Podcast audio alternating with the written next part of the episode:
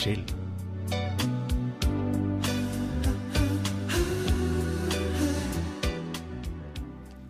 Ja, hei og velkommen til ukens sending med Filmochill. Um, dette er jo en uh, filmofil sending hvor vi tar ting litt mer med ro, senker skuldrene litt i en hektisk eksamenshverdag og ja, eh, bringer deg litt avslapning over luften.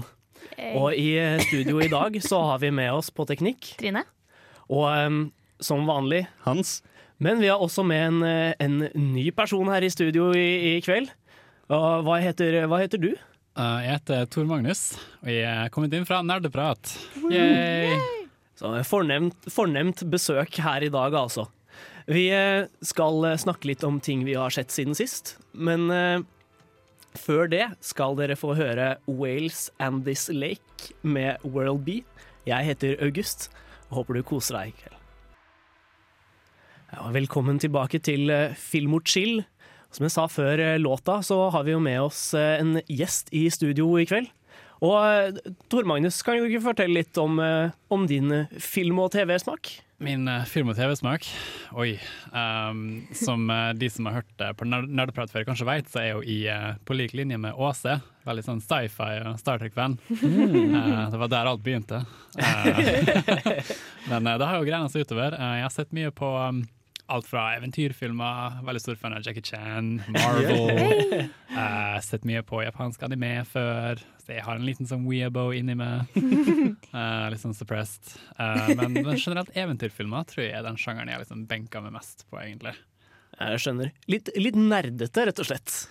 Ja, Så prater du litt om det, og så blir det en sånn, sånn, sånn prat mellom nerder, da, som jeg liker å kalle det. Det blir jo det. Uh, Litt, litt sånn nerdeprat, rett og Ja. slett. det. Det er veldig rart, det, fordi vi har et program som heter Nerdeprat Nei. på Radio Revolt. Nå må du gi deg.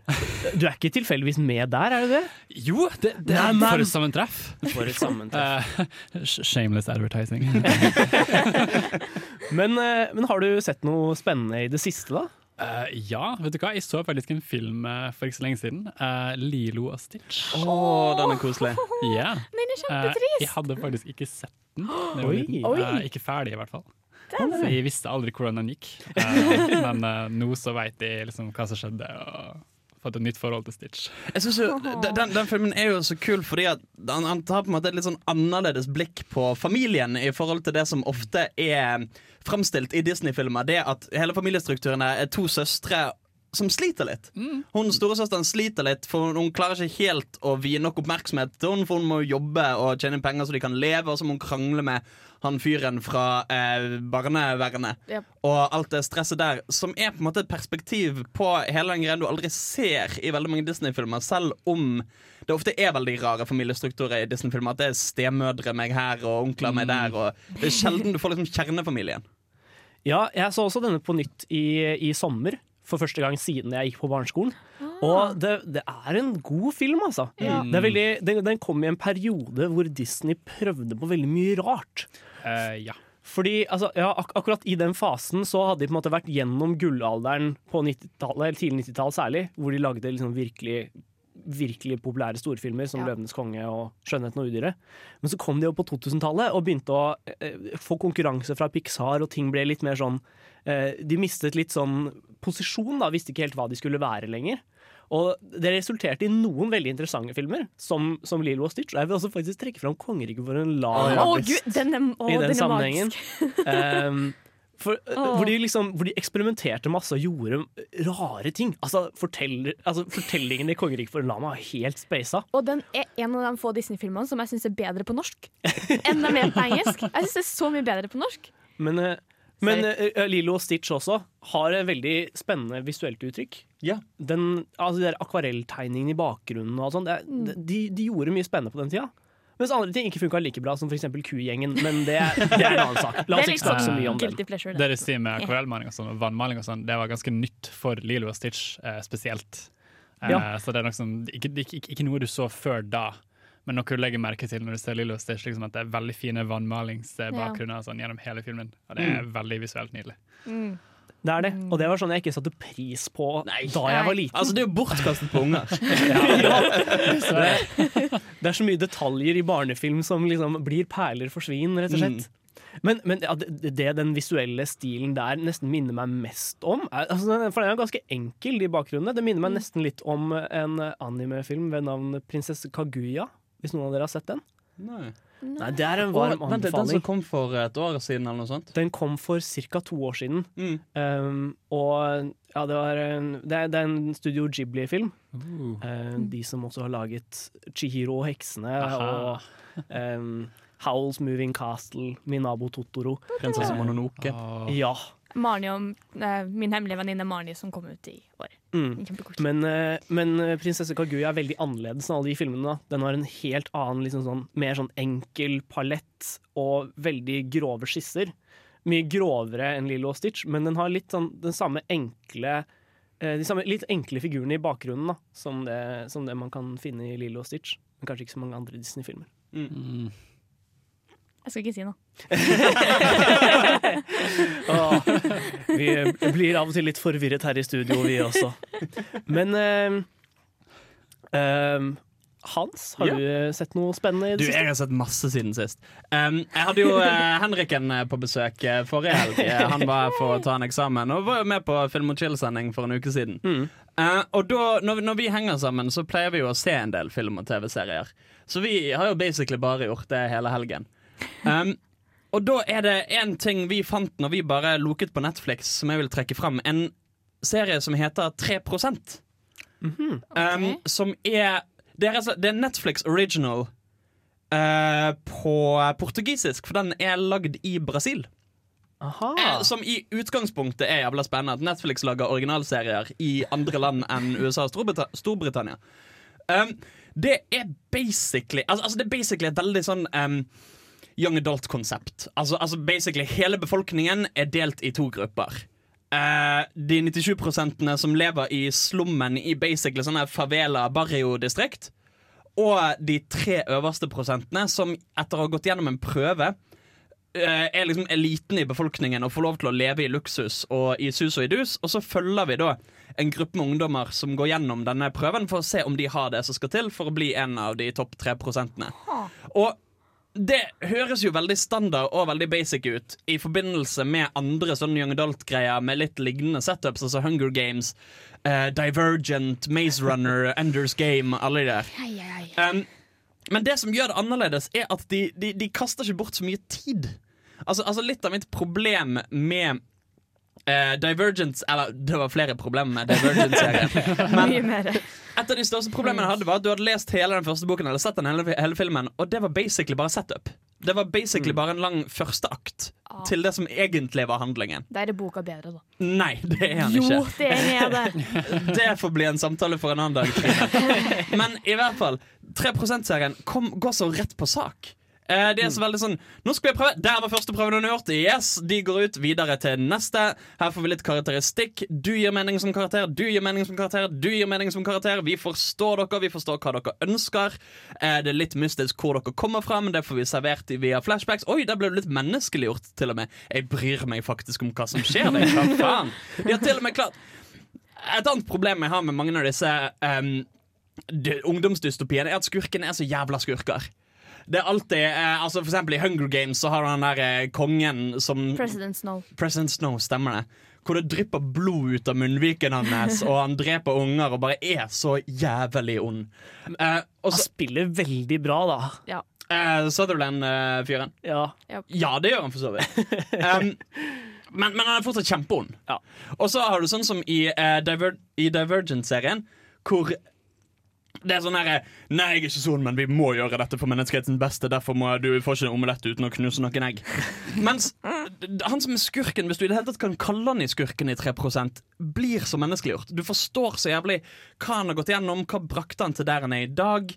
Hva former han som menneske? Alt dette får vi vite. Og, og, og det, det er, de har klart å lage en helt standard dystopisk serie som ikke har noen klart, klar skurkeskikkelse, og som ikke har tatt klart stilling til om dette er en positiv eller negativ ting, det de gjør. Ha. Al altså, altså de, de klarer å ha det i en litt sånn moralsk gråsone, som jeg føler det må være. Fordi at her snakker vi om systemer som blir lagt opp for hele samfunn. Og da blir det veldig merkelig hvis det åpenbart er feilaktig, men her klarer de faktisk å ha litt gråsone. Det, det er jo veldig viktig, altså det, det du sier der, som liksom lager en bra serie, at du faktisk har uh, to sider der begge på en måte ingen tar feil. Ja, sant? At liksom begge to, Du kan forstå begge to, og du, du, du sitter i en, en situasjon der du liksom ikke vet, vel, vet helt hvem du skal heie på. Mm. Uh, og det, det blir mye dypere og mye mer menneskeliggjort enn å bare ha sånn Oh, he's the bad guy. Ja, ja. En, eh, en serie om eh, sinna unge menn der, altså. fra- Sinna unge brasilianske kvinner og menn. Og eh, apropos sinna unge menn, nå skal vi høre 'Sinna unge menn' av Honningbarna.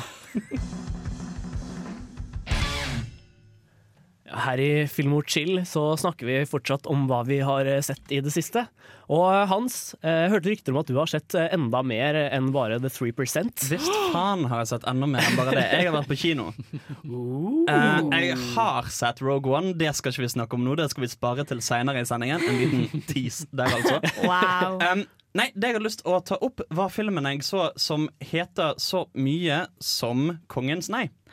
Ah, Som eh, Det var meg, meg, og Henriken igjen som var ute og gikk i byen, og på et innfall bestemte oss for å gå på kino. Og fy faen, for en fin film!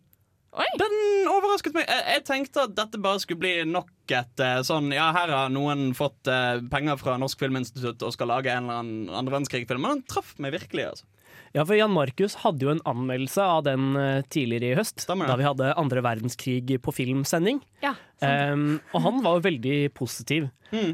Og Erik Poppe er jo, en, er jo en av de norske regissørene som på en måte er verdt å snakke om på et sånn kunstnerisk plan, da, har jeg inntrykk av.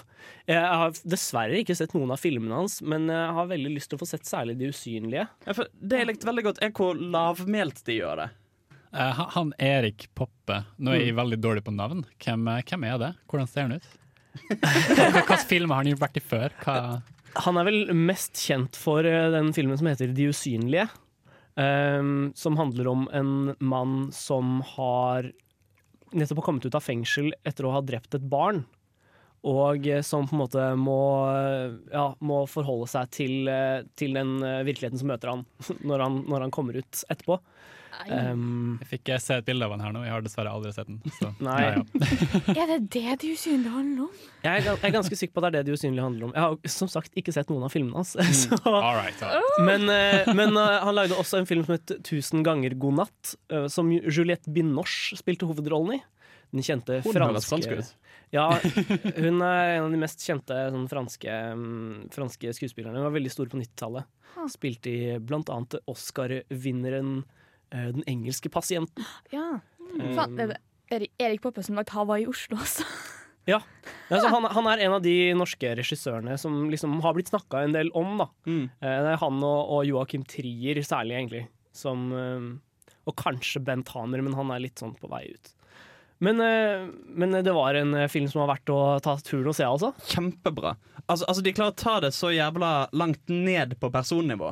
Så, så, så du, du, du følger kongefamilien, og, eh, sto, altså stort sett da kongen, og eh, familiemedlemmene hans, og litt vanlige folk rundt omkring.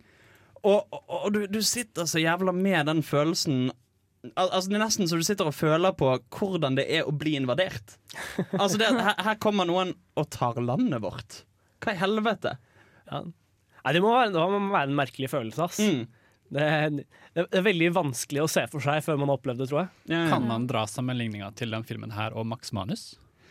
Nei, fordi det jeg òg syns var veldig bra med var nettopp at han ikke tok hele den der norsk motstandsmann-heltedyrking-veien. Fordi de, ty altså, de og Kampen om tungtvannet og Gutta på fjellet, Rjukan-filmene og alt det der jeg blir liksom så sykt sånn Ja, da er vi frisk, sunn norsk ungdom som skal på fjellet for å forsvare kongen og fedrelandet. Uh, og, det- og det blir så heltedyrking. Mens, mens her, her handler det så lite om disse enkeltmenn. Altså Den eneste som det er overhodet grad av heltedyrking av, er kongen. Og det er bare fordi at han er en litt sånn sta fyr som nekter å liksom som først nekter å gå inn og liksom legge føringer for hvordan regjeringen skal oppføre seg. Og så sier jeg nei, fuck dere, dere skal gjøre jobben deres. Jeg nekter dere å gå av. Dere skal være regjering til vi ikke er i krig lenger. Ja. Nei, så, så det er en uh, filmofil approves, det, altså. Filmofil seal of approval. Men uh, Trine, Ja. hva har du sett i det siste? Uh, Tor Magnus nevnte jo Star Trek tidligere. Eller det, før låta. Og um, jeg så en, um, en eh, faen, dokumentar på Netflix som heter For the love of Spock. Som er da en dokumentar om Leonard Nimoy. Som omhandler liksom eh, Leonard Nimoy og livet hans sett ifra sønnen. For sønnen går rundt og filmer eh, Har intervjuer med forskjellige skuespillere og folk som har vært med i Star Trek, og fans og lignende. Og bare satt det sammen til en sånn veldig fin tribute til Leonard Nimoy. Den er Ja. kjempekoselig, og jeg satt jo selvfølgelig og grein på slutten. For han, eh, han døde vel i Var det i fjor, eller var det i år? I fjor. Ja. Fjor eller forfjor. Jeg husker. Det var eh, en trist dag for, eh, for nerdepraterne der ute. Ja, vi, jeg og Åse holdt hverandre i hånda, og det var, det var en trist dag. For det var liksom, De hadde jo nevnt det på Big Bang Theory på et tidspunkt. For når jeg, Og for, fins det noen større heder? Nei, det er veldig dårlig. Det, bare, det var veldig morsomt. Og bare sånn, de holdt på å filme et liksom-intervju med Sheldon, som faktisk sønnen satt og filma på serien. Og så etterpå igjen så får du et intervju med Jim Parsons etterpå. Så det, det, det, er, veldig, det, er- det, er en- det er en veldig fin og koselig dokumentar. da. Sammen med Jeg satt og så på litt sånn bonusmateriale til Star Trek Beyond, for jeg kjøpte meg den her om dagen. Og det, det er en sånn ting som står liksom bare for Leonard and Anton, og jeg bare Fuck everything. Fordi An Alton Anton, Ja. som spilte Help me, han russeren. han døde jo tragisk i år. Så det var liksom bare sånn Alt gjorde bare bare ja, han, vondt. ja, ja, ja. Ja. Jeg er dessverre veldig dårlig på navn, men jeg vet hvem du mener. Så tenkte egentlig jeg skulle se den, men jeg rakk ikke gjøre det. Ja, for Han er egentlig en veldig dyktig skuespiller. Jeg så Ja. han nylig i en annen film hvor han spilte sånn, eh, sånn eh, weirdo stalker-type. Eh, og det var han, han, er, han er dyktig, altså. Det var veldig trist at han, at han gikk bort. Ja. Men da tror jeg vi skal høre en låt her i Film og chill. Her er det Stein Torleif Bjella med 'Alt rundt er det samme'. Dere hører på Radio Revolt. Radio Revolt! Faen! Hei og velkommen tilbake til Film og chill. Um, nå er det min tur til å snakke yeah. om hva jeg har sett siden sist. Og August Sørli Mathisen, hva har du sett siden sist? Nei, jeg har, faktisk, jeg har faktisk sett ganske mye på film siste uka. I, eh, I eksamenstida så går jeg inn i veldig sånn der sånn, eh, Jeg får veldig fast rytme på dagene mine. Så det er liksom jobbing fram til fire, og så er det middag, og så er det ettermiddagslur, og så er det filmtitting, og så lese litt bok før jeg legger meg. Og så går liksom dagene da i sykkel. Det er veldig fint. Jeg får sett masse film. Så eh, Men eh, jeg hadde en litt fascinerende opplevelse her da jeg kom hjem fra eksamen min eh, forrige fredag. Fordi da satte jeg meg i senga for å slappe av, og innså at nå er jeg i humør for å se en film av Ingmar Bergman. Oi, Oi! Um, og det, det er jo da den hva kjente hva for en grusom dag var det du hadde hatt? Nei, det, jeg hadde ikke egentlig en grusom dag i det hele tatt. Det, jeg, jeg bare kjente at nå, nå har jeg lyst til å se på Bergman. Det var en veldig merkelig følelse. Uh, Bergman er jo da den kjente svenske kunstfilmregissøren.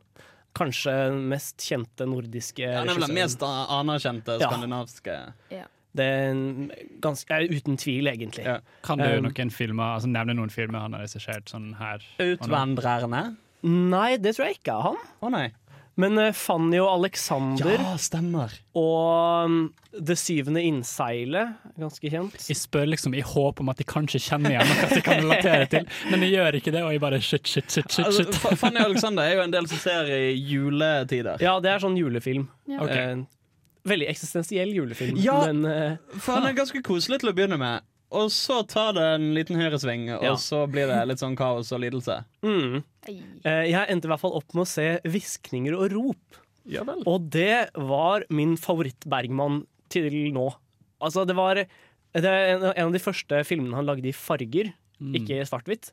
Fordi han hadde, eh, han hadde basert hele filmen på sånn bilde han hadde i hodet sitt av eh, fire kvinner i nattkjortler som sto i et rødt rom. Og på en måte begynte å skrive da, om disse forskjellige kvinnene. Eh, og plutselig hadde han liksom kommet opp med en film. da. Eh, så denne rødfargen var kjempeviktig for han. Og han og fotografen hadde jobba masse med å få til rett rødbalanse. For å liksom få det til å se riktig ut. Men, og de fikk det til noe så til de grader òg, da. De rødfargene der er virkelig helt fantastiske å se på. Eh, det handler om tre søstre som er samlet i, på et sånt svært gods i Sverige. Eh, fordi hun ene er eh, dødssyk er ti, på tidlig 1900-tall. Eh, og det er typisk sånn Bergman-eksistensialisme, da. Eh, ja, Liv Ullmann er en av hovedrollene. Selvfølgelig. Eh, ja, som i halvparten av alle Bergman-filmer. um, og, og altså, skuespillet var fantastisk, og det var en monolog der fra en prest som traff meg rett i hjertet. Det var sånn Ja, ja nå, klarte nå, nå satte du fingeren akkurat på hvordan jeg føler det om verden, liksom. Det er, så, det er, det er sjeldne øyeblikk, ass. Mm. Når du, når du ser et eller annet stykke med kunst som du føler virkelig bare beskriver hvordan det er å, å være deg. Yeah. Eh, jeg kom til å tenke på eh, Fordi jeg har jo ikke sett så mange Berg... eh, Det er vel kun Fanny Alexander og Utvandreren som jeg trodde til nå var en eh, Bergman-film, men som tydeligvis ikke er det. Nei, Jeg lurer på om det er en annen svensk eh, regissør. Men i hvert fall, med Fanny Alexander som utgangspunkt, så tenkte jeg at det, det er jo en bra film, men han er jo ganske treig. Og veldig lang. Så, Ja. så, så, så hvordan For lytterne, hva slags humør skal du Hva slags mindset skal du ha før du ser en Bergman-film? Ja, Det er et godt spørsmål. Altså. For det er ikke, det er ikke Spiderman, for å si det sånn. Nei, Det er ikke Lilo og Stitch. nei jeg, jeg pleier å komme i sånn kunstfilmmodus når jeg er litt uthvilt Mm. og føler at jeg har energioverskudd, men det er liksom ikke sånn at jeg er direkte glad. Jeg kan, jeg kan, verken, ha en, jeg kan verken ha en dårlig dag eller en veldig god dag. Det skal Mm. være sånn Det skal være litt sånn midt på treet, men jeg skal ha overskudd, da. Um, det å ha overskudd er liksom viktig, hvis ikke sitter du der som et vrak når du er ferdig, og det er ikke noe gøy. Yeah. men, eh, men ja, 'Hviskning og rop' er i hvert fall en varm anbefaling til alle som liker litt sånn Liker litt sånn eksistensielt drama. Den, eh, den, eh, den traff meg skikkelig, faktisk. Mm. Um, jeg har også sett litt mer sånn mainstream-ting siden sist, Nei. da. Um, jeg så blant annet Vi hadde sånn eh, tredje søndag i adventkveld med kollektivet. Hvor vi lagde grøt og tente adventslys. Herregud, har det vært tredje søndagen allerede? Ja, Ja, det har det. Fort, det, det er da neste lørdag. Neste lørdag så er det jo julaften. Helsike, det fort. mm. Men i hvert fall, vi endte da opp med å sette oss i sofaen og se på eh, Jul Flåklypa. Åh, Gøy. ja. Og Var den bra? den Altså, historien er litt sånn sjarmerende, men ikke noe spesielt. Men animasjonsteknisk så er den kjempegodt laga. Ja. For, for det, det er den som Den er ikke stop motion. Eh, jo, den er stop motion. ja. Eh, det er tilsnitt av animasjon her og der, og det ser, eller av, CGI her og der. Mm. Og det ser ikke like bra ut, men, men selve stop motion-delen er, er skikkelig bra. Og de har virkelig klart å fange litt sånn den der Flåklypa-stemningen, yeah. på en måte. Ludvig er skikkelig sjarmerende og eh, har fått enda større øyer enn han hadde i Ivo Caprino-versjonen. Og Solan eh, er på en måte som han skal være, skikkelig rakkerfant. Som røyker sigar og drikker. Ja.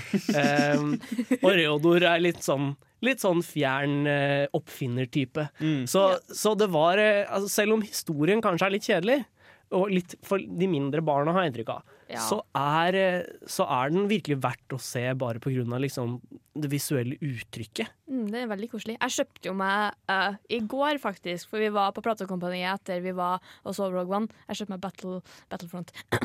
Um, så i den flåklippa-versjonen jeg kjøpte meg, da, så får jeg med meg liksom sånn originale film eh, Fem originale filmruller.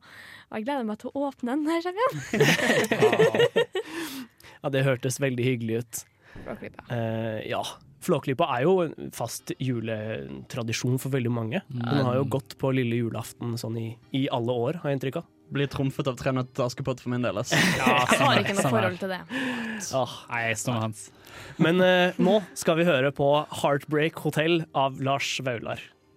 Ja, nå er det på tide å få en aldri så liten filmnyhet. Oi, oi, oi! For eh, ah, siden, siden sist så har det kommet en, eh, en veldig spennende trailer. Det er traileren til Christopher Nolans nye film. Ja. Christopher Nolan, for de som ikke vet det, er jo mannen bak The Dark Knight og Inception. Memento, Ja, The Prestige. Interstellar. Ja. Spennende type, altså. Lager mye, mye bra og mye storslått film. Og han jobber jo nå med en Dunkerque-film. Altså en, en film om eh, hvordan de allierte måtte flykte fra eh, en, Eller flykte fra strender i Frankrike eh, over til Storbritannia under eh, starten av andre verdenskrig. Og eh, det kom eh, trailer til den. Nå, eller første skikkelige traileren til den kom nå denne uka. Og jeg må si jeg er litt skeptisk Okay. faktisk. Fordi vanligvis når jeg ser en Christopher Nolan-film, så ser alt så utrolig eh, Det ser så håndfast ut. da. Alt ser ut som det er noe jeg faktisk kan ta på. Jeg kjøper hele tiden universene hans. Ja, ja. Men akkurat der så syns jeg jeg så liksom tegn til svakhet. Oi. Noen av flyene særlig så veldig dataanimert ut. ja. Jeg vet ikke om de var det, men i så fall har de brukt et filter som fikk det til å se litt sånn ut. Og jeg merker jeg, jeg er litt redd for at det kan bli eh, en mindre liksom overbevisende opplevelse enn det Nolan vanligvis pleier å by på. da. Og det skal jo sies at altså, Nolan har jo ikke vært i storform de siste to filmene sine. Altså Dark Knight Rises og oh, Interstellar. Al al al Christopher Nolan har lagd knallbra filmer til. Altså, altså uh, The Prestige er en av mine favorittfilmer noensinne. Og The Dark Knight er kanskje den beste superheltfilmen lagd noensinne. Uh, spør du meg, i hvert fall. Um, men så har det skjedd et eller annet med det siste han har gjort, syns jeg. Altså, det har gått litt nedoverbakke. Jeg vet ikke om han er blitt surere og gamlere, eller om han begynte begynt å gi mer faen, eller hva det er som har skjedd. Men det, det, det holder ikke helt stilen ennå. Jeg, jeg tror egentlig det som har skjedd, er at han har på en måte prøvd med hver nye film å toppe den forrige, sånn ambisjonsnivåmessig. Ja. Eh, og det har nå nådd et punkt hvor filmene blir uhyre kompliserte. Mm. Eh, som uh, mitt uh, store idol The Nerdwriter på, på YouTube sa i en av sine videoer. Han, han trodde på en måte at etter Inception så ble han nødt til å ta det ned et hakk. Fordi altså, Inception er ganske heavy på det liksom På det fortellertekniske planet. da Ja. Um, men han gjorde liksom ikke det.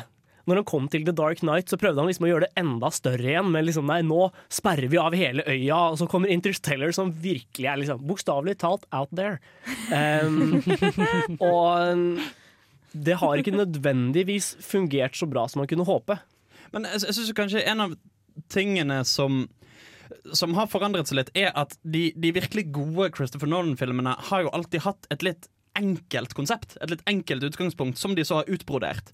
Altså hvor du har eh, Inception, som har det ene konseptet. Hva hvis mennesker kan gå inn i drømmene til folk og forandre på ting? Og så utbroderer de det. Eller da um, The Prestige. To uh, tryllekunstnere krangler mot hverandre, og han ene får tak i noe merkelig teknologi. Hvor går dette hen? Uh, og um, Memento, en fyr har hukommelsestap, mister hukommelsen hvert femte minutt. Uh, hvordan utspiller dette seg når han prøver å nøste opp i hva som har skjedd de siste to døgnene? Um, Sammen med Batman-filmen hans, uh, The Dark Knight. Batman jo kan slåss om folkesjelen til Gotham. Um, mens de to siste er ikke så lett å definere enkelt hva handler om. Eh, det er liksom, altså Dark Knight så er det en eller annen rar skurk vi aldri har sett før, som har en eller annen plan, men så viser det seg at det ikke er han som er planen, og så Stupid, stupid, Stupid, stupid. Og Inter. Interstellar De reiser til verdensrommet fordi det er noe greier som skjer på jorden, og så skal de finne ut av noe, og så klarer de å vise seg at kjærlighet er den sterkeste kraften som finnes, eller noe sånt. ja. ja. Interstellar er kanskje for meg Det det er en av de mest ujevne filmene jeg vet Mm. om. Fordi jeg, jeg, jeg så den på nytt i vår, og det var så merkelig opplevelse. Fordi jeg gikk fra å ha Eller jeg gikk fra å sitte og liksom eh, skamme meg på vegne av karakterene og på vegne av filmskaperne fordi det var så dårlig i ene scena, til å sitte med gåsehud på armene i neste scena fordi det var så jævlig bra laga. Ja, men al- altså rent visuelt og håndverksmessig er jo Interstellar en fantastisk flott film. Mm. Uh, altså jeg husker det, når vi satt i kinosalen Bare den scenen når de er på den planeten med de svære bølgene. Ja. Fy faen, det var fett! altså, du sitter der og rister i kinosetet. Ja, og, og når de nettopp har eh, ja, Spoiler alert for dere som ikke Nei. har sett uh, Interstellar. Men, eh, men uh, når de er på vei bort fra den planeten hvor de har møtt han Matt Damon-karakteren, Mm. og he hele se sekvensen på vei til at han sprenger romstasjonen, det er så kleint. Ja. Fordi hele motivasjonen hans gir liksom ikke mening. Hva, hva, hva er det han prøver på? For, for, det, for det, er, en- det er sånn irriterende tilfelle av hvor, hvor det er Det er på en måte en konflikt i en film som er så åpenbart framprovosert, Fordi her må vi ha en konflikt, men vi har ikke noen god idé. Så de, de, de, det, det, det er en sånn filmsekvens skal bli sittende og si Kan ikke dere snakke sammen, for faen! Dette kunne vært løst på 30 sekunder. Ja. Men det jeg skulle fram til, var egentlig at sekvensen etterpå, når de skal koble seg på det roterende Ja. romskipet igjen, det er så bra! Det er helt vanvittig godt laget, med Hans Zimmer sin på en måte insisterende orgelmusikk som bygger seg opp under, og på en måte ja, spen den, sånn, sånn spenningssekvens. Så er den helt vanvittig godt laget. Um, men men det, det, var så, det var så merkelig å gå fra ja, å, å sitte og virkelig gremme meg da, på vegne av, av filmen, til å sitte der og elske opplevelsen på, på så kort tid. Så nei, Nolan har eh, Han har vært litt ujevn, Ja. rett og slett. Det er litt, litt forsiktig avventende til uh, Detroit, eller hva det var het. Eh, Detroit, ja. Nei, Dunkerque. Det var det. Så, så nei, det, det kan gå begge veier, men uh, ja, jeg er litt avholdende. Nå skal vi i hvert fall høre på Warpaint av Whiteout. Filmofil gir deg nyhender fra filmen og fjernsynets i spanende vær. Ja, velkommen tilbake til Film og chill. Og her blir det, her blir det litt nyheter, faktisk. Yay. For uh, siden sist så har det også skjedd eh, Det er ikke bare trailernytt. Nei, Vi har, eh, vi har også fått noen nye prisnominasjoner tikkende inn. Ja, det, det er jo Det begynner jo å nærme seg um, Awards season. award season. Jeg kommer ikke på ordet på norsk. Så liksom det første vi får, er jo Golden Globes-nominasjoner. Og jeg var kjempeglad når jeg så dem, for jeg bare Hei, Hell or High Water har blitt nominert til beste drama. Ja. Hey! Og den likte vi veldig godt. Den, det var en sånn film hvor eh, etter å ha hørt anmeldelsen din, Trine, så gikk vi eh, og så den på kino alle sammen rett etterpå. Ja. Jeg er veldig fornøyd med anmeldelsen. Fikk du ikke til og med en liten internpris for den Jo, anmeldelsen, jeg gjorde det. Jeg er fornøyd. Vi er veldig stolt av Trine. Hva annet er det som er nominert? Eh, Noe som er kjempemorsomt, er at Deadpool er nominert til beste musikal og comedy. Gøy!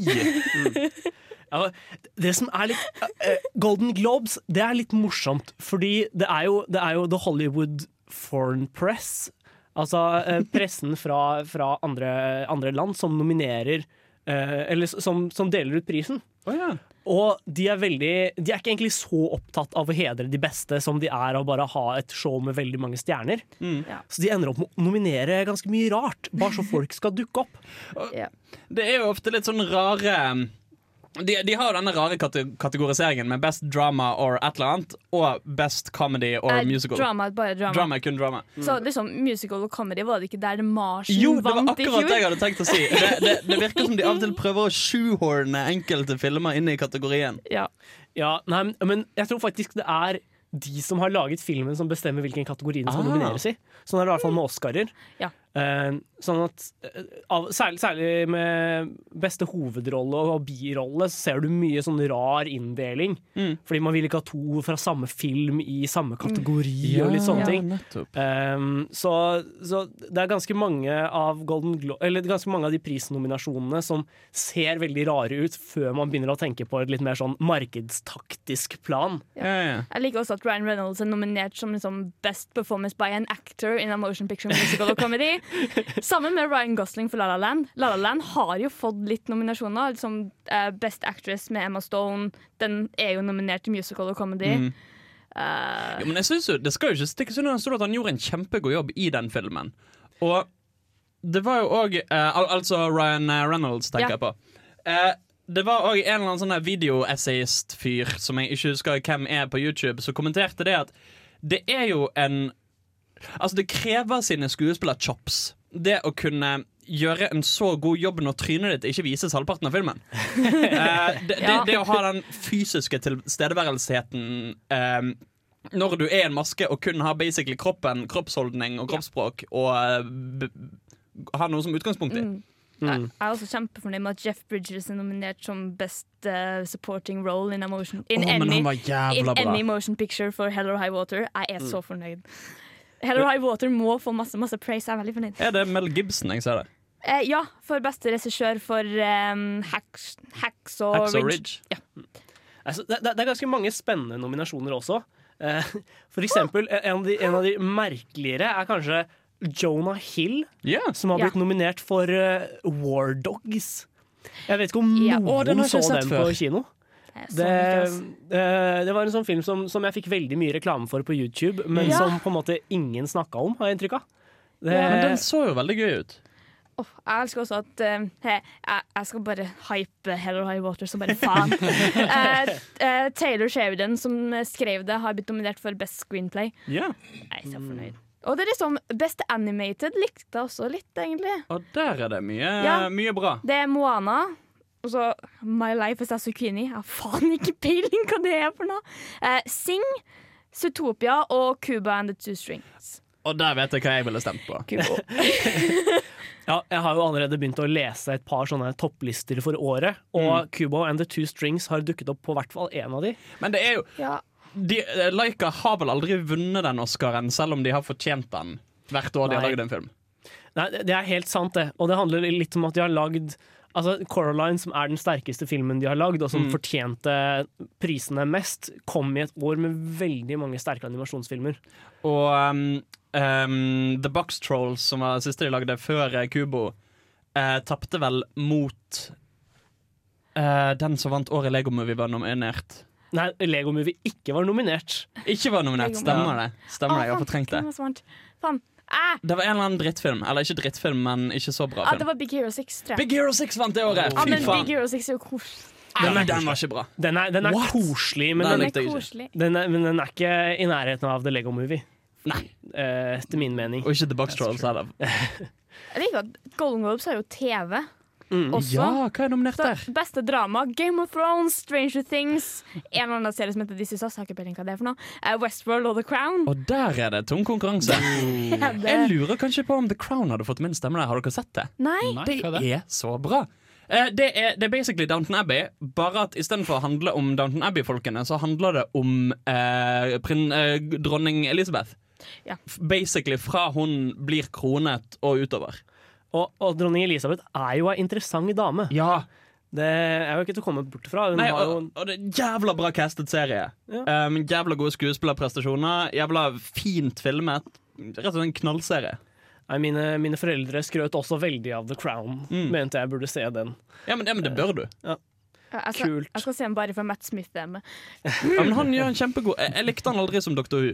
Åh, jeg synes han var så Nå sa jeg noe feil. Jeg likte han aldri som doktoren i Doctor Who. The Doctor. Bare gå for The Doctor. Men, men, men han er kjempebra castet som prins Philip, eh, som han heter vel. Eh, Mannen til eh, dronning Elisabeth. Ja. Som, som er litt sånn Han var jo notorisk i virkeligheten òg for å være litt lite forsiktig med hva han sa, og det fanger Matt Smith veldig fint i både det å gå rundt og komme med litt sånn kjipe kommentarer her og der, men òg det å spille den rollen til Altså Han har den konflikten at i en tid hvor mannen skulle liksom være sjefen i familien det å så være gift med hun som skal bli Storbritannias mektigste dame, eh, hvordan en forholder seg til det, Ja. det, det gjør en kjempebra. Yep. En eh, annen kategori jeg har lyst til å trekke fram, som jeg er veldig fornøyd med i år, Mm. yeah. det er kategorien for beste kvinnelige hovedrolle. Ja. Ja. For der er Altså, det er et par av filmene jeg ikke har sett, men skuespillerne er til gjengjeld liksom bare, bare noen av favorittskuespillerne mine. Gøy. Eh, Amy Adams er nominert for Arrival. Oh, Arrival. Men der gjorde hun en kjempejobb. Ja. Fy faen. Uh, jeg var jo ganske positiv i min anmeldelse av den, uh, så bare gå tilbake og høre den hvis dere Den gikk vi jo òg alle sammen og så på Ja. kino Ja. rett etterpå. Den, eh, det, er, det er en god film, og Ja. den, Amy Adams bærer den så sykt godt. Um, en annen av mine favorittskuespillere, Jessica Chastain, yeah. er nominert mm. for filmen Miss Sloan. Den har ikke kommet på kino enda i Norge. Den kommer nok ut på nyåret. Jeg Mm. tipper den kommer til å bli en sånn typisk award season-film.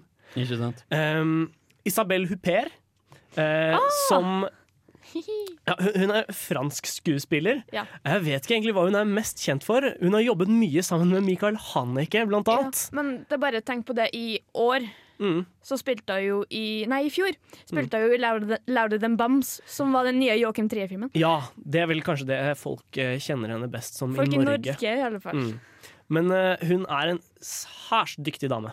Ja, Eh, fy faen. Det er, en, eh, det er en grunn til at hun eh, er fast samarbeidspartner med Michael Hannicke, som kanskje er ja, en, av, en av de største kunstfilmregissørene i disse dager. Gøy. Um, men hun er, hun er nominert for nyeste filmen til mannen som lagde Robocop og Starship Troopers.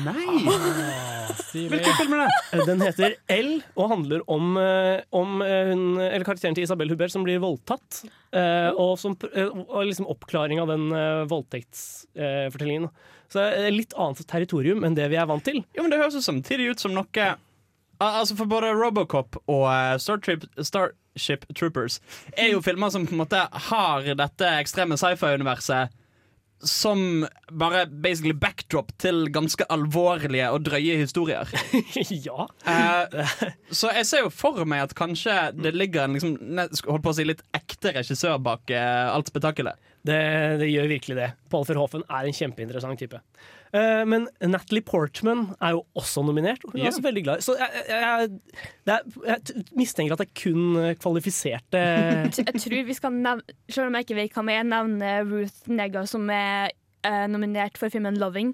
Ja. Som handler om Det er vel det første eh, ord Ja, eh, det altså sånn Forholdet mellom eh, to fra forskjellige raser. Da. Interracial. Ja, Mm. Det, mm, så Forholdet viktig, i USA. Ja, en viktig, viktig sånn civil rights-skikkelse som ikke har blitt snakka så mye om.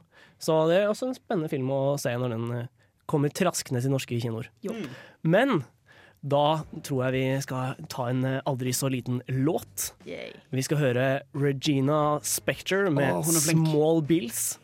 Um, For de av dere som liker TV-serier der ute, så er det hun som synger introen i uh, Orange is the New Black. Å ja, det er sant, det! Yay. Så eh, ja, dere får kose dere med den her i Film og chill. Men eh, Trine, Ja. i det siste så har du eh, ja, bygd opp litt sinne mot HBO Nordic, Ja. har jeg hørt rykter om. Fordi jeg prøver jo så hardt jeg kan å få sett Westworld. Ja. Men når jeg setter på, så kommer jeg ti minutter inn, fryser skjermen, får det ikke opp igjen. Den forbanna Jeg vet ikke om det er appen på PlayStation som går bananas, eller om det er HBO Nordic som går bananas, men jeg begynner å bli så jævlig lei at det skal skje hver gang jeg prøver, så jeg gir opp Westworld snart. Har du bra bredbånd hjemme? Ja. Fordi eh, jeg bruker også HBO Nordic eh, mye. Uh, for jeg, det er jo mange av mine favorittserier er jo på HBO. Um, og jeg har mange problemer med HBO Nordic. Men avspillinga har liksom ikke vært et av de. Nei, Det er hver eneste gang jeg skal se på. Har du prøvd på en datamaskin istedenfor? Nei, det har jeg gjort enda. Jeg har bare bygd opp et sånt stort Ha, hat. har du prøvd å skru den av og så på? Ja! Du, jeg har ikke telling på hvor mange ganger jeg har prøvd det. Jeg kommer kanskje fem minutter lenger inn i episoden, og så bare Ok, Det var alt jeg hadde. Takk for meg. Tor Magnus der, altså. um, nei, fordi det jeg skulle si Jeg bruker HBO masse, og jeg må jo si det er en drittavspiller. Fordi det er liksom, du må alltid gå tilbake Ja. Til liksom, Her har du alle episodene. Hei, du måtte gå tilbake dit, og så må du gå ett og opp, og så får du neste episode. For net. Netflix er jo en neste-knapp når du Ja. spiller av noe. Så du kan spille av neste episode Og du kan åpne en sånn ding så du kan se alle episodene i den sesongen og Ja. velge ut eh, fram eller tilbake. Det har ikke HBO Nordic. En annen ting de gjør som er ganske interessant, Er at hvis du skal gå inn og se en TV-serie, eksempel når jeg skulle kose meg med alt av True Blood, Ja. eh, som jeg gjorde i sommer, så skjedde jo det at eh, jeg trykker meg inn på serien. Og da viste de det med siste sesong først. Ja. M- Fullt, fullt med synopsis av, eh, av handlingen i alle episoder. Så det er sånn Etter dødsfallet til den karakteren Oh, må no. eh, Suki og vennene hennes eh, prøve å Og den får du rett opp i trynet med en gang. Altså, faen. Og så må du bla deg tilbake til første sesongen igjen. Fordi at du må jo gå nedover til å finne første, sesong På sida så må Mm. du gå nedover igjen. Så liksom, hvis du, hvis du stopper opp og ser, så kommer du til å se liksom plott, plottsynopsisen til de siste episodene som kommer Ja, i hver eneste sesong. Ja, ja, jeg har ikke um, um, støtt på mange som har uh, på en måte begynt å spille av en episode som kommer i en ny, eller en sang de ikke har sett ennå, f.eks. Ja. Eh, og som derfor liksom ja, uten, å, uten å tenke over det, plutselig har fått masse spoilers. Bare, Hæ, hva, hva gjør disse karakterene sammen, liksom? Eh, Så det jeg rett og slett har tenkt på, er jo ja, nå, nå prøver jeg å velge mine ord med varsomhet her. Men i teorien Ikke at jeg har tenkt å gjøre dette eller har gjort dette, men la oss ta et tenkt hypotetisk eksempel her, da. Jeg har HBO Nordic, som jeg betaler for månedlig. Ja. Det vil si, jeg betaler for å ha tilgang til alle HBO sine serier. Nesten 100 kroner i måneden, er det ikke det? 89 kroner i måneden, hvis jeg ikke husker feil. Hvis jeg da skulle finne på for eksempel dra innom en torrentside, og kanskje snuble over eh, Vikings eller Westworld, og så kanskje trykke på den lille magnetknappen, eh, sånn at det blir lastet ned fra internett gratis, Ja, men det, Til- det, det vil vi jo aldri, aldri gjort. så ville jo det vært å bryte loven. Ja, Selvfølgelig. Men jeg har jo betalt for det. Altså, jeg har, ja, men, ja, men, for, for, prøv å følge logikken min her, som er et av mine argumenter for hvorfor ulovlig nedlastning ikke burde være ulovlig nedlastning. Um, hvis jeg allerede har betalt for disse seriene, Ja. så forandrer det jo ingenting fra leverandøren sin side om jeg ser det via deres crappy as fuck avspiller, eller om jeg laster det ned fra internett. eneste forskjellen er at du eventuelt støtter, eller indirekte støtter siden du laster ned fra, som på en måte driver med ulovlig virksomhet. Det er, men det er det eneste jeg har å komme med. For når det kommer til noe sånt der, da, så um, Vi kjenner jo alle til Star Wars. Ja. Og de fikk jo en uh, specialized version. Liksom alle filmene ble George Lucas Enhanced, tror jeg de kalte det. George Ja, Lucas ja, gjorde mye dritt Ja. med filmene. Um, og det er en fyr som har despecialized alle Mm. sammen, som du kan laste ned fra en side.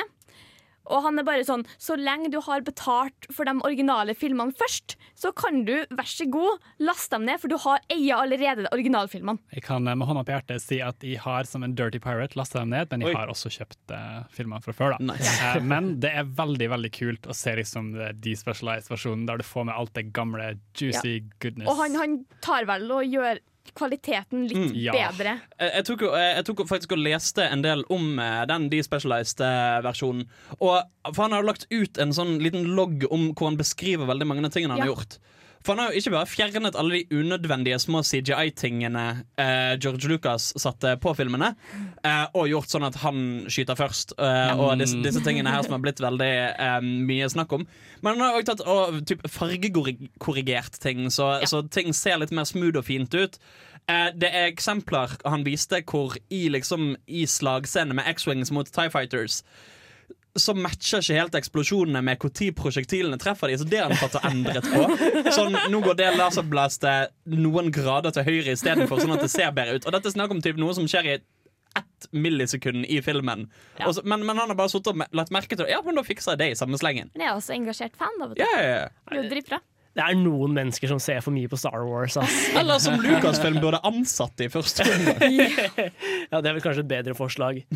Men da eh, tror jeg vi skal bevege oss videre til en låt. Her eh, får dere Chelly, nei, Cherry Glazer med 'Told You I'd Be With The Guys'.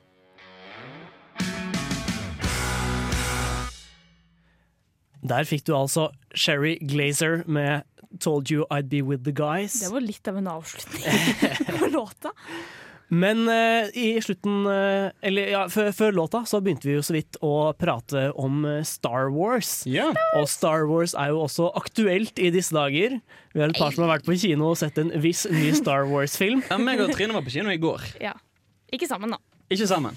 Uh, hver for oss. Eh, vi, vi var også den nye Rogue One, altså uh, den første av de tre standalone Star Wars-filmene i, um, i Star Wars-universet. Yep. Som skal da komme annenhver gang mellom de episodiske filmene. Eh, og som omhandler litt andre ting som ikke har direkte sammenkobling med handlingen i den trilogien som er på vei. Så dette er da Rogue One, som handler om basically storyen til hvordan planene for Dødsstjernen ble gitt til Leia før episode fire.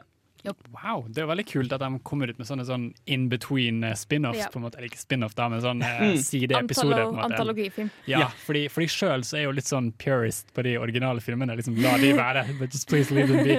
Eh, så det er veldig kult at liksom, nå får vi se det fra et annet sted. Hvordan kanskje de personene hadde det som vi ikke har tenkt så mye på før. Ikke sant? Ja. Og det er veldig sånn frisk pust.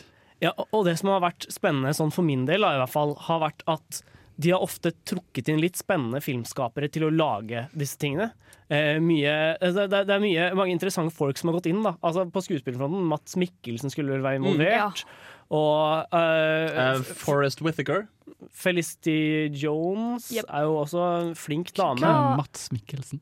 Han er Mest kjent som Le Chiffre fra uh, Casino Real, vel? Ja, det er vel det han er mest kjent for. Men han er også ganske Hannibal. Ja, Hannibal i, i Hannibal-serien.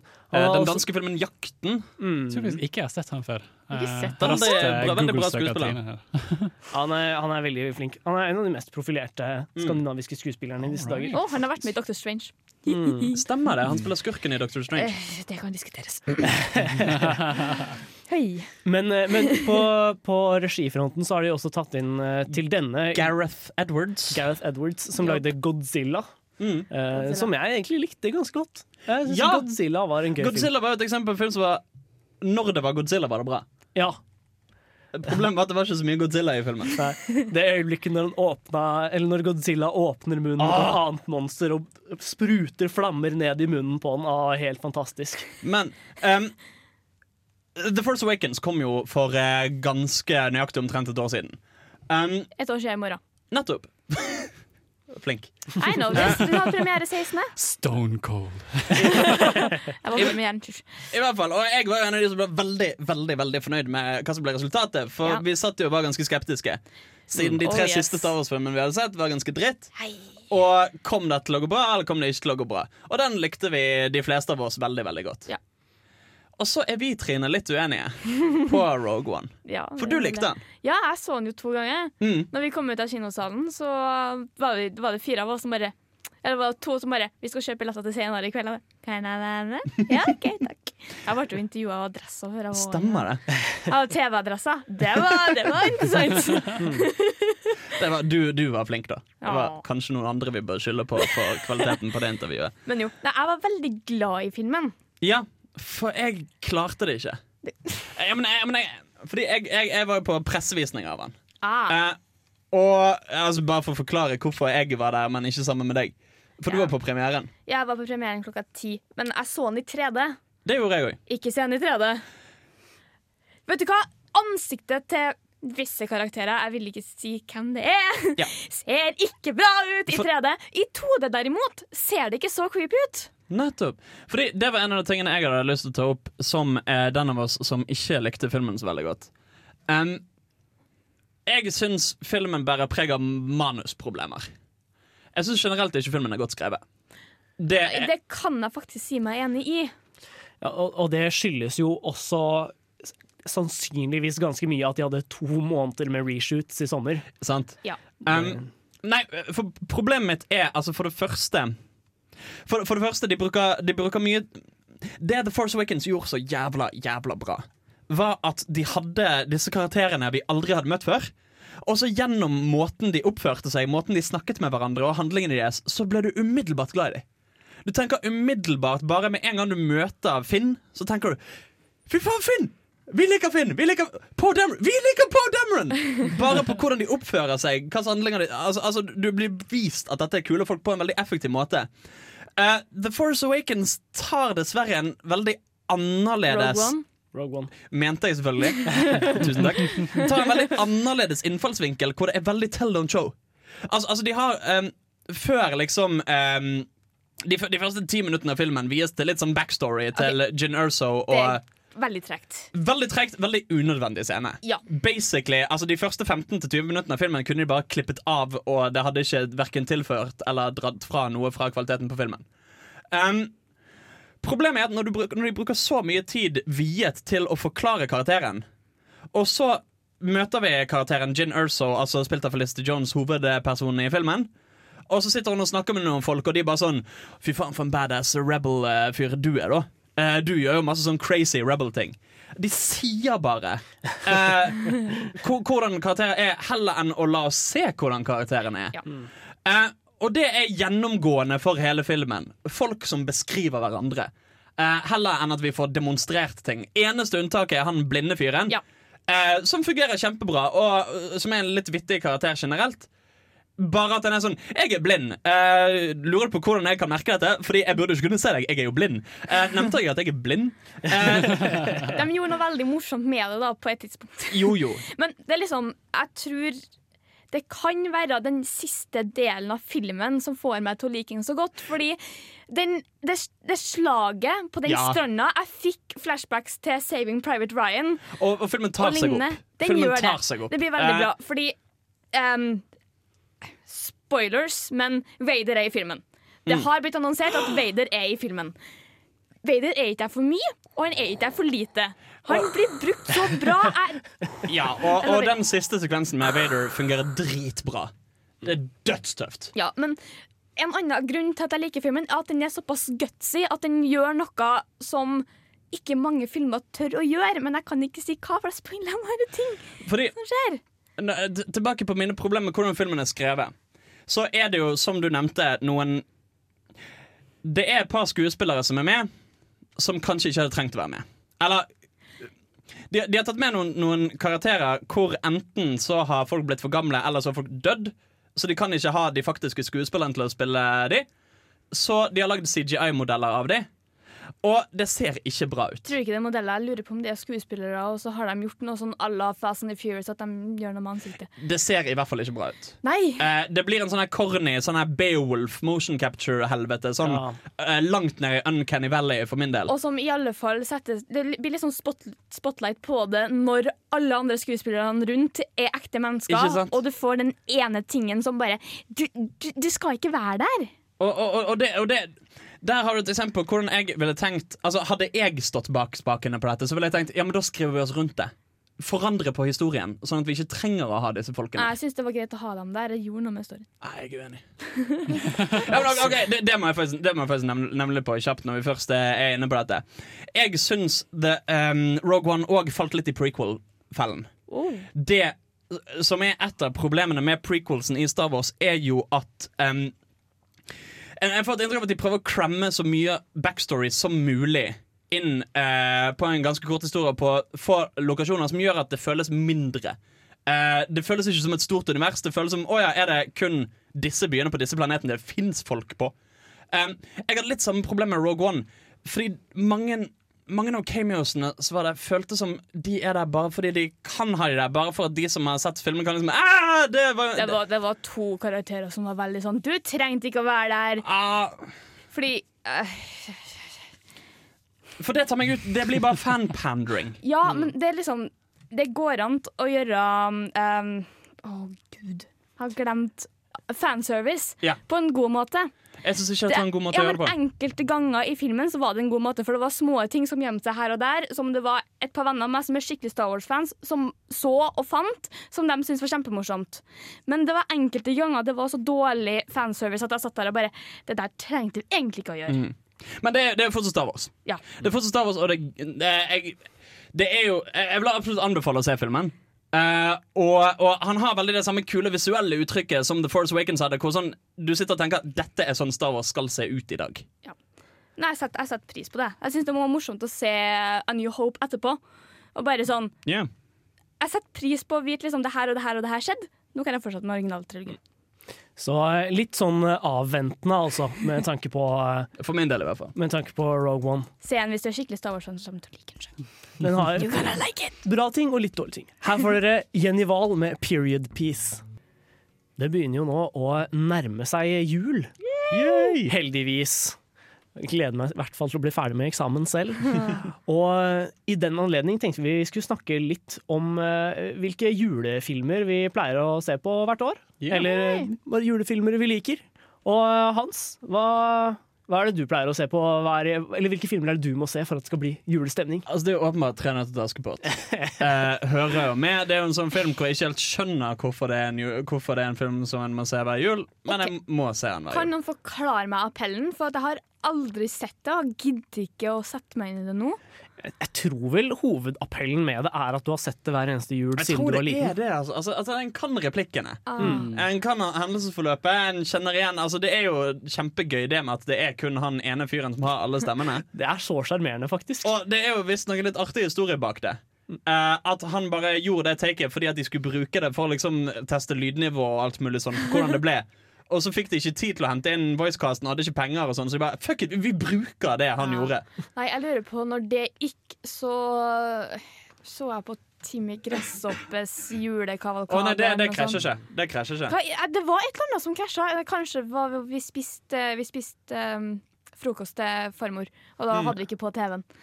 Ja, det kan også hende det var noen sånne der, uh, greier på TV2 Ja, som gikk parallelt. Det var, det var noe på TV2. Så skal du òg uh, nevne at musikken òg gjør det til jævla jul for meg. Og En kan sant. si hva en vil om kvaliteten på filmen, men kvaliteten på musikken kan du ikke røres. Den er så fin og nydelig. Nei, og han gjør jo en sabla god jobb, da. Han gjør en kjempejobb! Altså Han lever seg veldig inn i det. Og det er jo, selvfølgelig, Du merker jo at det er én fyr. Eh, Ja, men studiene Studiene hadde det ut! Det er ikke dritbra. Um, jeg, har, jeg har lyst til å nevne en annen film eh, som jeg ofte ser hver romjul. Fordi den går typisk på TV2 på lille nyttårsaften uh, eller noe sånt. Eh, det er ingen ringere enn Astrix og Kleopatra, eller hva den heter. Eh, denne franske filmen som jeg lurer på om det fortsatt faktisk er den mest påkostede filmen eh, lagd i Frankrike noensinne. Eh, dette er eh, da en live action Asterix Obelix-film. eh, om hvor de er nede i Egypt og skal hjelpe til med å bygge eh, Bygge pyramiden og eh, Nei, det, det er vel eh, Alex, kvartalet i Alexandria. Det er et av de store byggene. Ja. De skal, eh, Tempelet i Alexandria heter det vel. Eh, de skal være med å bygge. Og det er Altså, altså Det er en film som ikke burde være bra, men som faktisk er hysterisk morsom. Jeg jeg husker i, i fransken på i, i første klasse på videregående, så skulle vi se på film. Og da må man jo se et eller annet på fransk. Er ikke så farlig, hva? Jeg husker det var, det var alle guttene stemte Eller alle jentene stemte på en eller annen litt sånn kjærlighetsfilm. Paris Je t'aime, kanskje. Eh, jeg, ja, jeg tror ikke det var den, men det var et eller annet litt mer seriøst. da Mens alle guttene stemte på Asterix og Obelix og Kleopatra. Og så var vi én mer gutt Nei. enn jente i klassa. Så vi endte opp med å se den. Og det var, det var jo skikkelig idiotisk, men, eh, Men han må òg ses på norsk, fordi den norske dubbingen er så jævla Han er dårlig på en bra, jævla gøy måte. Så for deg så er det litt sånn uh, filmer som er dubba til norsk. Det er, er, det er et eller annet med det som er jul. Eh, Tor Magnus, hva pleier du å se på jula? Har du noe spesielt? Ja, altså eh, Jeg er jo veldig enig med Hans her, dette med 300 til Askepott. Uh, utrolig søt. Eh, men, men det som virkelig gjør julen for meg, uh, forutenom eh, han der eh, butleren som skal trippe over så- eh, Det er eh, hver det lille jo, julaften. eh, Så er det jo selvfølgelig uh, Flåklypa.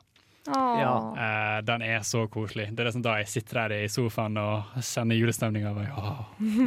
der, der sitter jeg litt som når, Trine, når jeg snakker om 300 til Askepott eh, med Trine. For jeg har aldri blitt truffet av Flåklypa. Mm. Flåklypa aldri, jeg har aldri likt det. Jeg ble ikke det jeg heller, for i fjor når jeg for på juleavslutninga på Samfunnet filmklubb Mm. og så Flåklypa på storskjerm, og da bare Det er jo skikkelig koselig! Ja, for, for Tomanius, hva, hva, hva er det som gjør det bra? Eh, det som gjør det for meg, er bare at, at filmen er så koselig. Og det at den, den går jo hver jul, så jeg starta jo med å få, den liksom inn, innhamra fra jeg var liten. Litt Liksom. sånn st Stockholm-syndrom. altså, altså, hadde de vist uh, Jungelboken hver jul, liksom, så hadde jo det blitt julestemning for meg. Liksom. Det er jo uh, noe sånt, da. Og den er jo veldig, veldig norsk. Ja. Når liksom folk sitter og ser på TV i bunad. Og jeg elsker når jeg åpner døra, så står sultan der, og bare Å, fysj, da! Og så lukker jeg døra. De har jo også så mange kule navn, disse, mm. karakterene her. Jeg, jeg kommer ikke på dem akkurat nå, men eh, er fantastisk. Det er det herlig. Mm. Nei, jeg syns også Flåklypa er veldig sjarmerende. For meg er ikke den en utprega julefilm. Det er bare en sånn derre en sånn sjarmerende greie som jeg ender opp med å se med jevne mellomrom. Og den, altså, den er jo godt laga, det kan du i hvert fall ikke nekte Ja, for. ja, nei, nei. Eh, Og, og, og jeg, liker jo andre Ivo, Capri, Ivo Caprino-ting. ja. og, den, men, men jeg syns den har Jeg tror det den vinner på for min del, er bare et veldig sjarmerende karaktergalleri. galleri.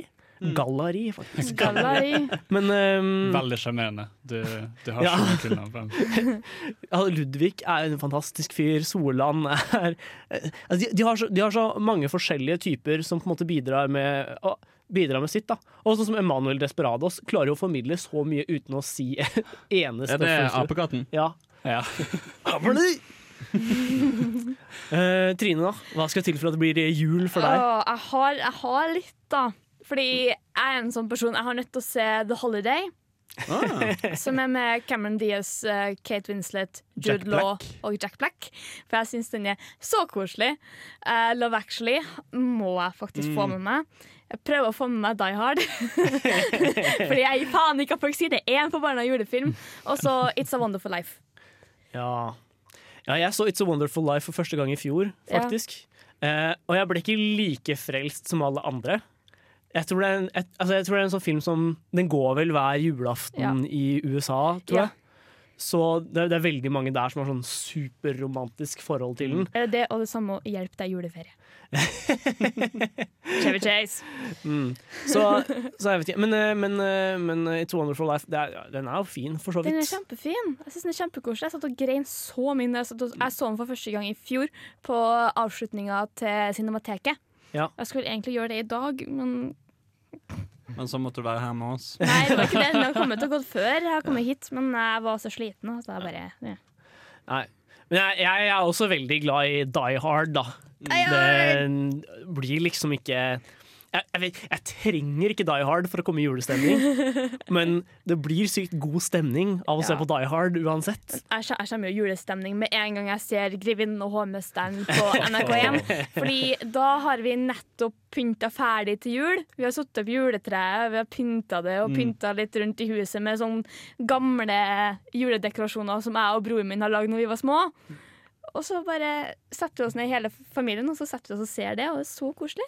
På, er, det, er, det, er det noen norsk idé med at vi ser julefilmer som ikke handler om jul? Eh, for for 'Grevinnen og hovmesteren' handler jo egentlig om noen som feirer nyttårsaften. Ja. Og det er jo ikke så langt fra jul, men det er jo fortsatt ikke jul. Eh, og jeg liker Asterix Obelix, og for, for den saks skyld, 'Tre nøtter til Askepott' er handler jo ikke om julefeiring. Nei, Jeg kommer litt i julestemning nå og ser første Harry Potter-filmen. Ja. Er, Du har én julesekvens der, riktignok, men Jo, men den, det- det er jo veldig mye mer enn det. Og jeg, jeg, jeg, føler liksom julestemning når jeg er ferdig også. For de filmene kom jo alltid rundt juletider. På kino. Ja, de gjorde kanskje det. Ja, det var desemberfilmer, husker jeg. Men så har du jo 'Hjemme alene' Ja! med lille Macaulay-kokken. Mm. Som lærer folk hvordan man ikke skal bryte seg inn. Eller, du skal den, den ungen der kommer til å ende opp som seriemorder. Altså. Oh, yeah. Jeg har, jeg har en siste film jeg har litt lyst til å snakke om Før eh, før vi, eh, før vi eh, gir oss eh, i første omgang. Og det er, eh, det er en film vi har snakka om på Filmofil tidligere i høst, som eh, vi i familien erklærte skulle bli juletradisjon fra og med i fjor. Eh, Det er Nei, A Very Murray Christmas. ja, Av, eh, av Sofia Coppola, hvor eh, Bill Murray eh, spiller seg selv, som skal stille i stand et, eh, et juleshow på julaften. Men så er det snøstorm i New York, og ingen av stjernene han har invitert, kommer. Så det ender opp med at han og en gjeng med de som tilfeldigvis er på dette hotellet, skal ja, prøve å lage jul sammen. Da. Eh, den er bare skikkelig sjarmerende. Mm. Eh, og skuespillergalleriet er jo helt vanvittig. Du har med Bill Murray og uh, Michael Cera er med. Uh, Chris, Chris Rock. Rock. og uh, George Clooney. Miley Cyrus dukker opp. Wow. Jason Swartzman. Masse folk. Og jeg synes det er så gøy at for eksempel, altså, Hele den sekvensen med Chris Rock når Bill Murray tvinger han til å bli med opp og synge, synge en julesang som Chris Rock ikke vil. Ja. Og, og, og det føles så ekte, for han sitter der og kan jo egentlig ikke synge så veldig fint. Og jeg, jeg syns jeg synes det er litt tøft av han å blottlegge seg såpass og faktisk ha et sangnummer når han ikke er en spesielt stødig sanger. Nei.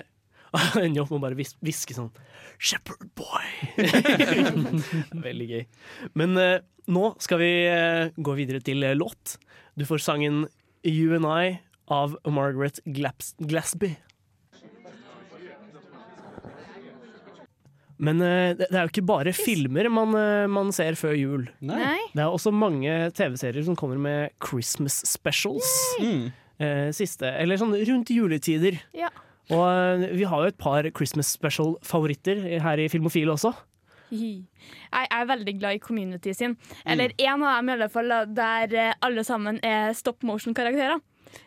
I Abed sin, Abed sin veldig fargerike fantasi så er alle sammen plutselig eh, eh, karakterer, og de synger, og de skal finne meninga med jul. Den er så koselig. Og jeg elsker Pierce i episoden der. Han er faktisk ganske søt. Han er en liten, en liten bamse. Mm. Eh, Jeg har lyst til å trekke fram Christmas specialen til eh, Black Mirror. Oh. Som er, altså, altså Christmas special i TV-serier, spesielt britiske TV-serier, er ofte som har de, så er jo det ofte en litt sånn koselig episode. Hvor det ikke skjer så mye, men alle bare samler seg rundt middagsbordet og snakker om ting de har gjort, og har det fint sammen. Black Mirror sin jule, juleepisode er jo rett og slett en, en av de mørkeste episodene de har. Hvor det bare er kjiphet på kjiphet på kjiphet. Og til slutt så bare ligger hun i fosterstilling og bare Nei! For, for Black Mirror det, det er jo en veldig dyster serie, Ja. for å si det mildt. Og juleepisoden begynner jo på en måte litt Eller på en måte litt triveligere enn en skulle tro fra Black Mirror, hvor det er to karer. En av de er John Ham, som sitter på en hytte og uh, prater sammen og skal være der uten at vi helt vet hva, så det, hva de er der etter. Og så er det bare det bare, går det bare nedover derfra. Vil først fortelle John Ham historien bak hvorfor han er der, og det er jævla kjipt. Så forteller han andre fyren historien om hvorfor han er der, så er jævla kjipt. Så avslører de noe som blir jævla kjipt. Og så tror du det har gått fint inntil noe mer avsløres som blir dødskjipt. Det høres kjipt ut. Ja. Um, et annet, en annen serie som jeg er veldig glad i, som også er kjent for sine Christmas specials, er jo Doctor Who. Ja. Der har det kommet mange hyggelige. A Christmas Carol er jo kjempekoselig. yeah. Med Michael Gambon. Stemmer det. eh, der doktoren er tilbake og liksom bare viser en um, eh, tidligere minner fra livet. Og liksom bare 'Jeg har vært der hele tida Mm. Jeg husker for også, å gjøre en den, slem mann snill'. jeg husker også den med hvor Kylie Minogue var med. Ja visst Ja. faen! Altså, jeg husker bare sånn, Det er, var- er dette Kylie Minogue? Ja, Voy gøy. Voyage of the Dam, når han må redde eh, Titanic. Ja, ja, I verdensrommet. Og det er liksom eh, Last Christmas, som var siste julespesialen til Clara, er drittrist. Fordi hun må For, si for, for det som skjer, er at doktoren gir, gir hun et av sine to hjerter. Uh, og så dagen etterpå så gir hun det videre til noen andre. Fordi Last Christmas Fordi det kommer jo en julespesial nå 25. desember som heter The Return of Dr. Mysterio. Det blir, eh, det blir Det spennende. må jo bli gøy. Men nå er det dessverre på tide å takke for oss Nei. her i Film og Chill. Har denne skuta vi har valgt å kalle Filmofil, endelig klappet til kai? Den er i ferd med å klappe til kai, i hvert fall for denne gang. Her i studio i kveld så har vi vært en eh, juleglad Trine. og en marsipangriselskende Tor Magnus fra Nerdeprat. og en eh, grøtmann. Hans? Og eh, jeg er en eh, aldri så liten pinnekjøttelskende August. Vi ønsker alle en god jul her fra Filmofil. God jul!